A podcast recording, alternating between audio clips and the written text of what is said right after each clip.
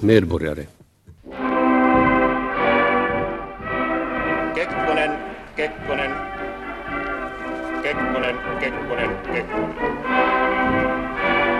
Kekkonen, Kekkonen, Kekkonen, Kekkonen. Hjärtligt välkomna till Kekkonen och jag, som idag ska röra sig ut i skärgården, närmare bestämt ut till Åland. Kekkonen var en eh, stor fiskare, det är en, ja, kanske till och med en viktig del av myten om Kekkonen. Han, han, ingen kunde slå honom i gäddfiske. Uh, men ja, hans relation till, till Åland var, var djupare än så. Uh, och det ska vi få bekanta oss med idag. Jag heter Viktor Granö. Med mig i studion har jag historikern, forskaren från Åbo Akademi, Hanna Lindberg. Välkommen. Tack.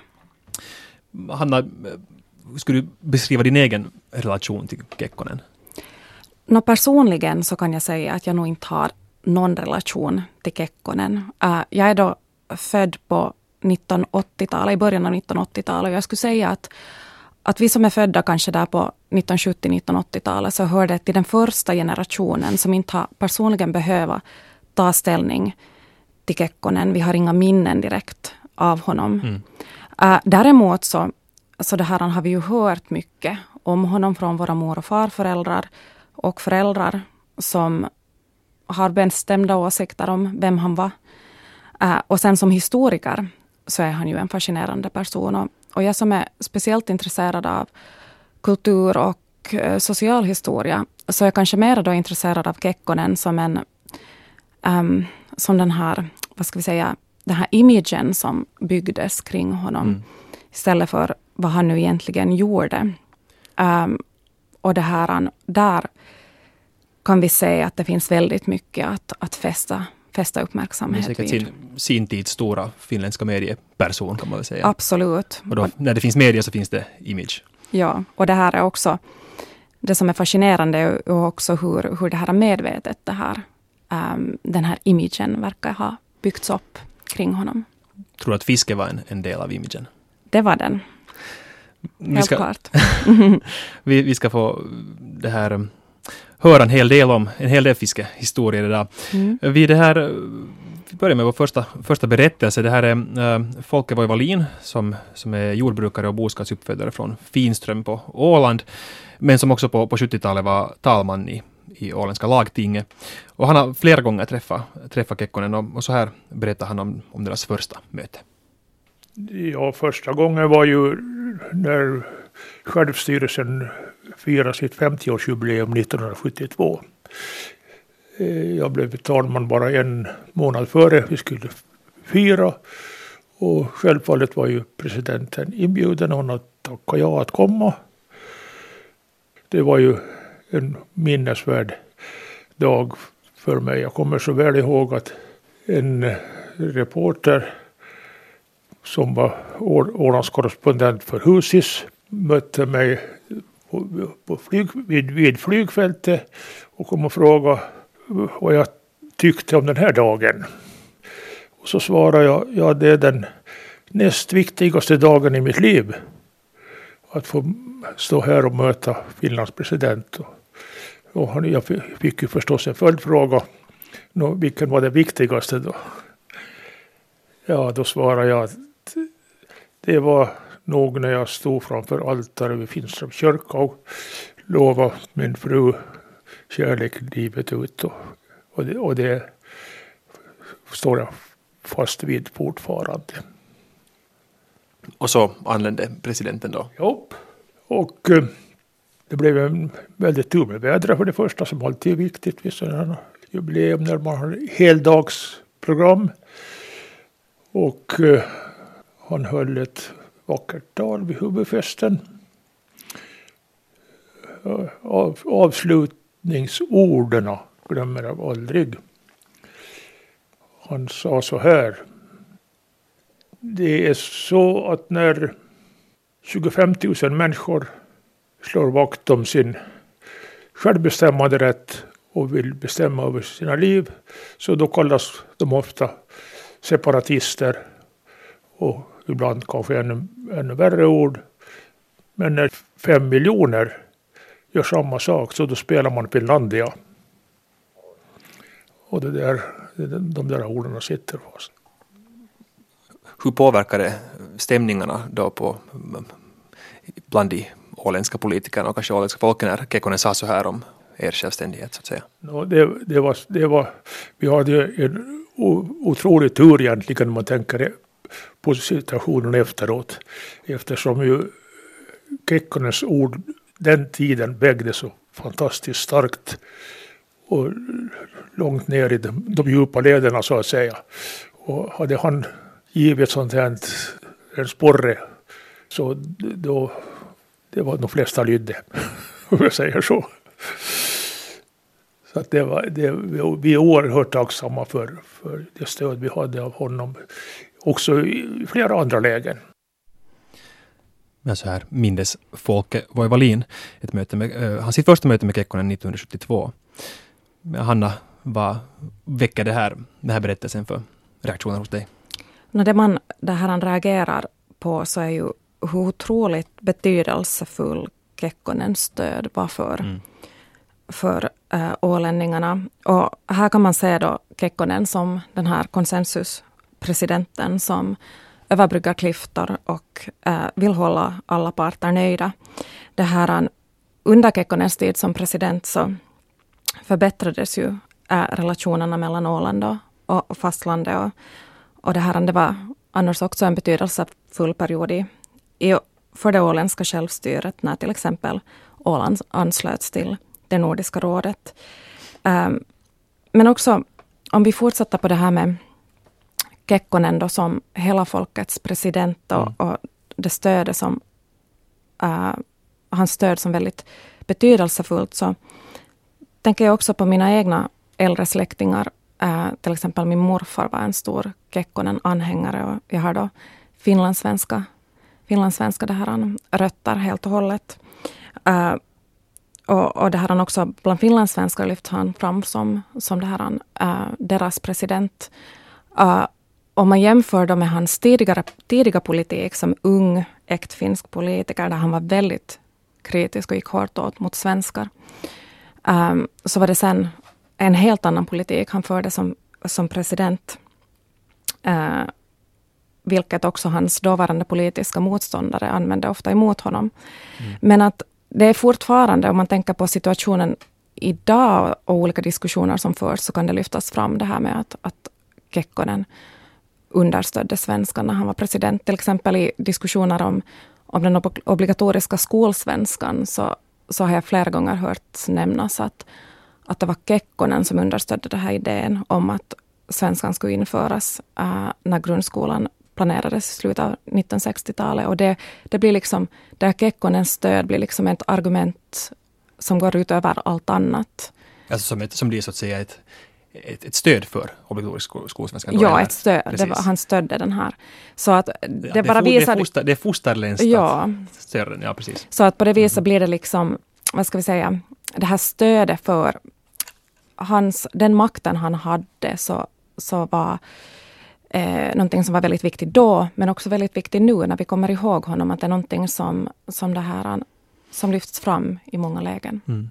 Ja, du sa det här att han, hur han från att ha varit då äkt finsk politiker till att vara hela folkets president. Jag, drar en parallell till, till Mannerheim som från att ha varit då de, de, den, den vita sidans äh, ledare under inbördeskriget blev liksom hela folkets liksom symbol för hela det liksom enade Finland. Det här eh, eh, ska vi, kan vi säga att Mannerheim och Kekkonen på något sätt är, där har någon liksom lite liknande funktion kanske?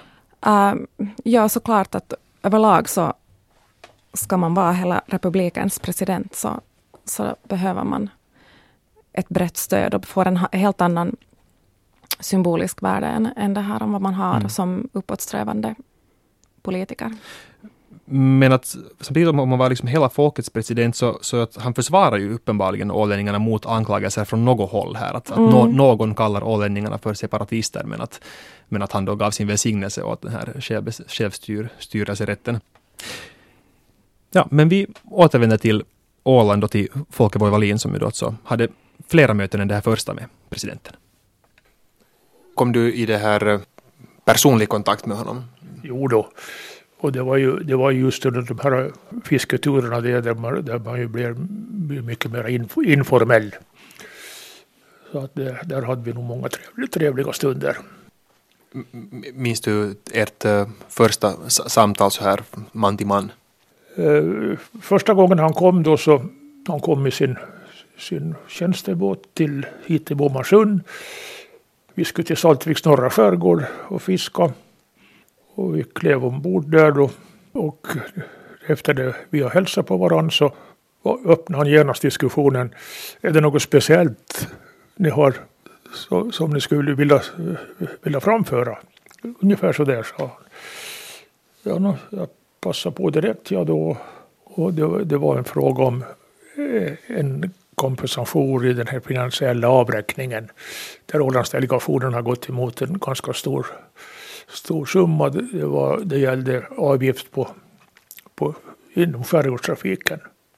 Och eh, efter det samtalet som vi hade då så återremitterade presidenten avräkningen till Ålandsdelegationen och, och de, fann, de, de fann sig. Så att eh, det, det, var första kontakten det och då visade han ju till, hur tydligt som helst att, att han var vår man när det gällde. Var det här under fisketuren sa du? Japp. I hans tjänstebåt på väg till fisket. Så politik avhandlades också under, under uppenbarligen under jo, no, i, i, i, i, regel inte.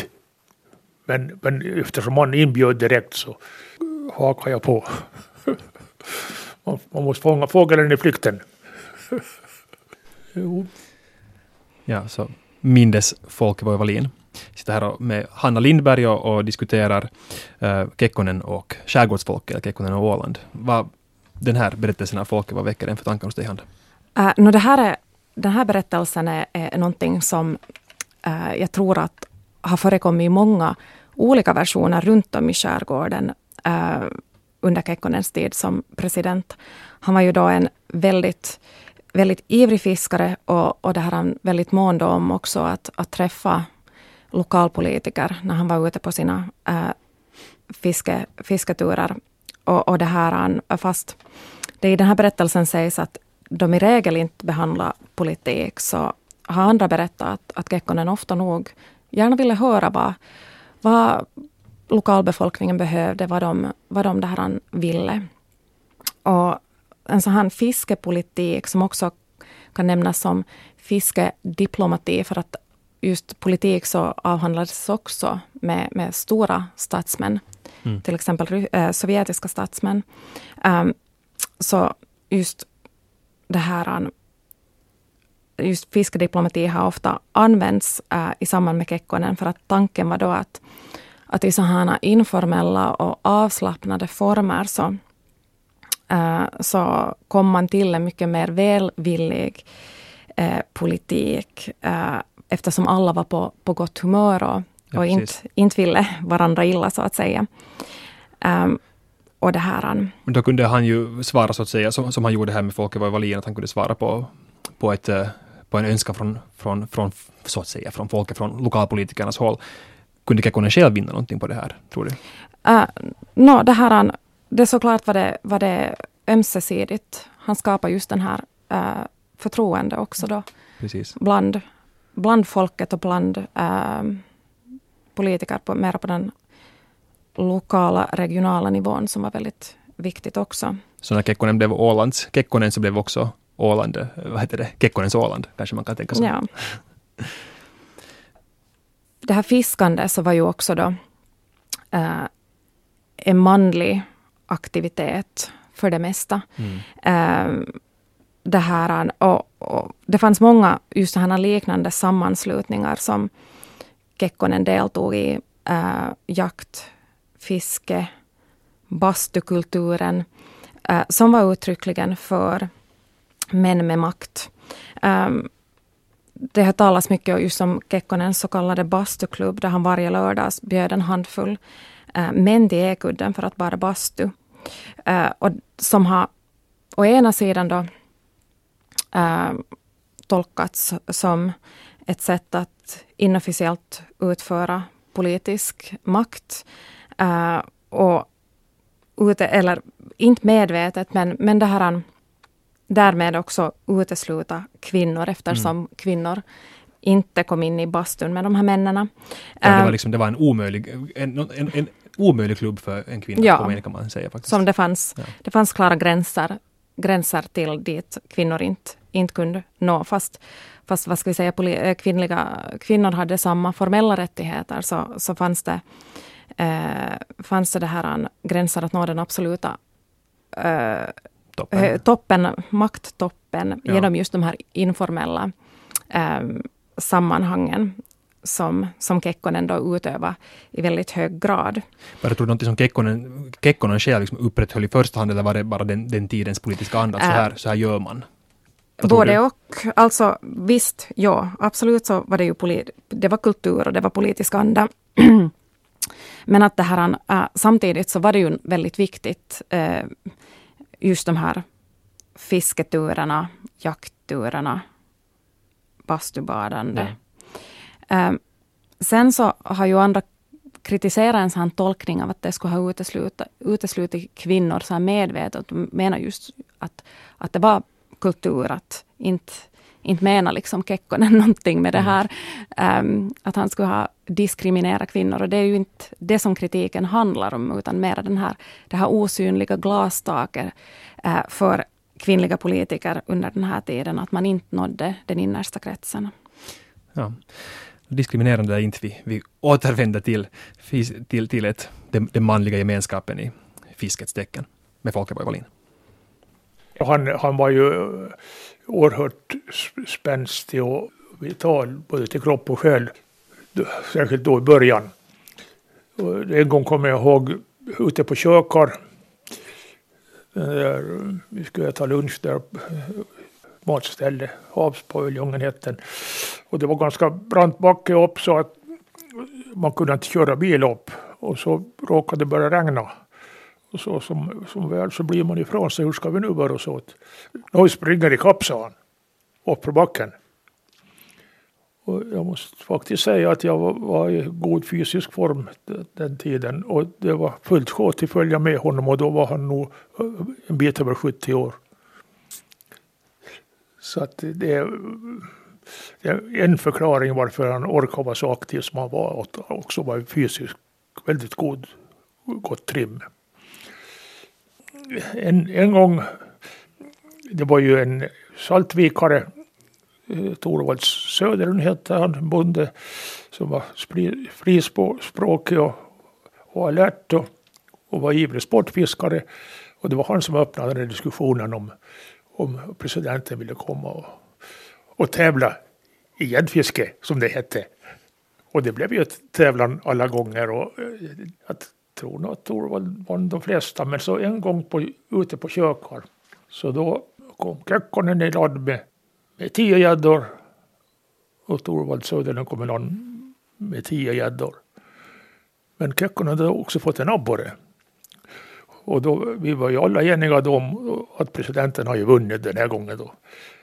Kom ihåg, sa Torvald Söderlund, det är gäddor vi tävlar om. Kanske ett exempel på frispråkiga ålänningar som, inte räds överheten allt för mycket.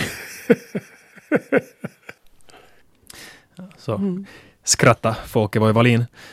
Här fick vi ju två, två exempel på tävlingsmannen Kekkonen. Skulle tävla i gäddfiske och, och det här skulle tävla i att springa ikapp upp för klippan. Ja, Torvald Söderlund var nog en modig man här när han vågade det här, han, gå emot Kekkonen på det här viset. För att det sägs ju att, att eh, det här det var inte bara en lek det här, hans tävlingsinriktning, utan det var blodigt allvar. Att man skulle minsann inte äh, fånga mera fiskar eller skida snabbare, utan då måste man, om man skidar med honom och få lite, liksom att man ens var jämsides, måste man sen börja skida långsamt. Och, och det, här, um, det här är ju därför jag tycker att Kekkonen är så fascinerande. Det här imagebygget kring just hans goda fysiska form, hans uh, sportighet och, och den här tävlingsinriktningen. Um, och, och det här var en, så med, en väldigt medveten strategi från hans partikansli att då liksom stolt informera media om uh, Kekkonens idrottsprestationer och fiskelycka. Mm. Och, och det här um, det är därför just den här mytiska bilden av Kekkonen idag är så intressant att, att studera. Um, det här, och också just om vi tänker på, på att hela, just med den här imagen, att, att den här hans fysikalitet, hans kropp lyfts fram så mycket. Till exempel så rapporterades det också mycket om när han på 70-talet tog sådana konditionstester. Mm. Och att han då hade en kondition äh, som en 40 eller till och med som en 30-åring. Och det här var någonting som rapporterades i media. Sen så försvann de här rapporterna för att sen när hans fysik helt klart började dala så, så det här ville man inte rapportera om det mer. Uh, och, och just den här att det fanns då i, i, i den här Kekkonen-bilden en sån starkt samband mellan extraordinära mentala förmågor, kroppsliga förmågor, uh, som gjorde att han då var, var förtjänt av den här positionen mm. som Finlands ledare.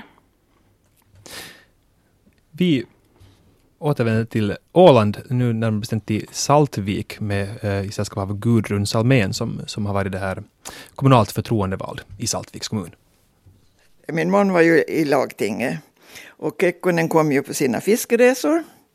Och så var det ju så att eh, han var här på något eh, 9 juni på jubileum här uppe vid kyrkan. Eh, och, och, och då blev det ju tal om fiske förstås.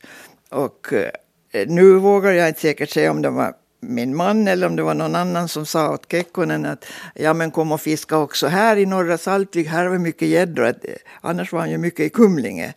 Eh, att vi har nog vi å.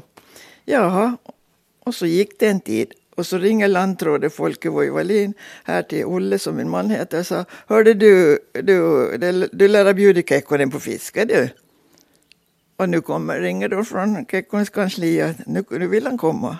Så på det viset så, så kom man ju, då kom man ju med egen båt då till, ut till fiske och, och lunchen var på våran, på våran holme. Och där på våran holme så är det ett gammalt fisketorp. Huset är då stuga och kammare och någon gång har de väl fiskat väldigt mycket så de, det är sal också. Eh, och, och där hade, det var, på den tiden var det inte stort följe med, med, med Kekkonen utan det var, det var sjöbevakning förstås och adjutant och uppvaktning och så eh, vårt lantråd och lantrådets hustru Astrid eh, och, och talmannen Astrid och jag stod för trakteringen så vi, vi serverade sällskapet där i våra torp. Och enligt adjutanten så var Kekkonen på väldigt bra humör och, och skämtade om allt möjligt. Och vår dotter som då var sju år, hon hade inte fyllt åtta, så fick eh, till och med fotografera honom. Riktigt, att han gav lov. Och, och jag vet ju inte jag, men liksom enligt adjutanten så var det en förmån då att det, så där gjorde nog inte Kekkonen med vem som helst. Minns du hur den slags eh, hur stämningen var hemma hos eh, er inför det här besöket? Nej, vi, har, vi har aldrig varit, eh, eller jag, eh, varit nervös och, och hossa upp med någonting. Det blir som det blir och, och fallerar det nu lite så det, det, jag har inte något minne att jag skulle ha. Men, men det var det nog före Palaver, Kekkonen till vårt gamla torp när det finns moderna lagtingsmän som har moderna villor också ute där i samma skärgård, att man skulle välja det.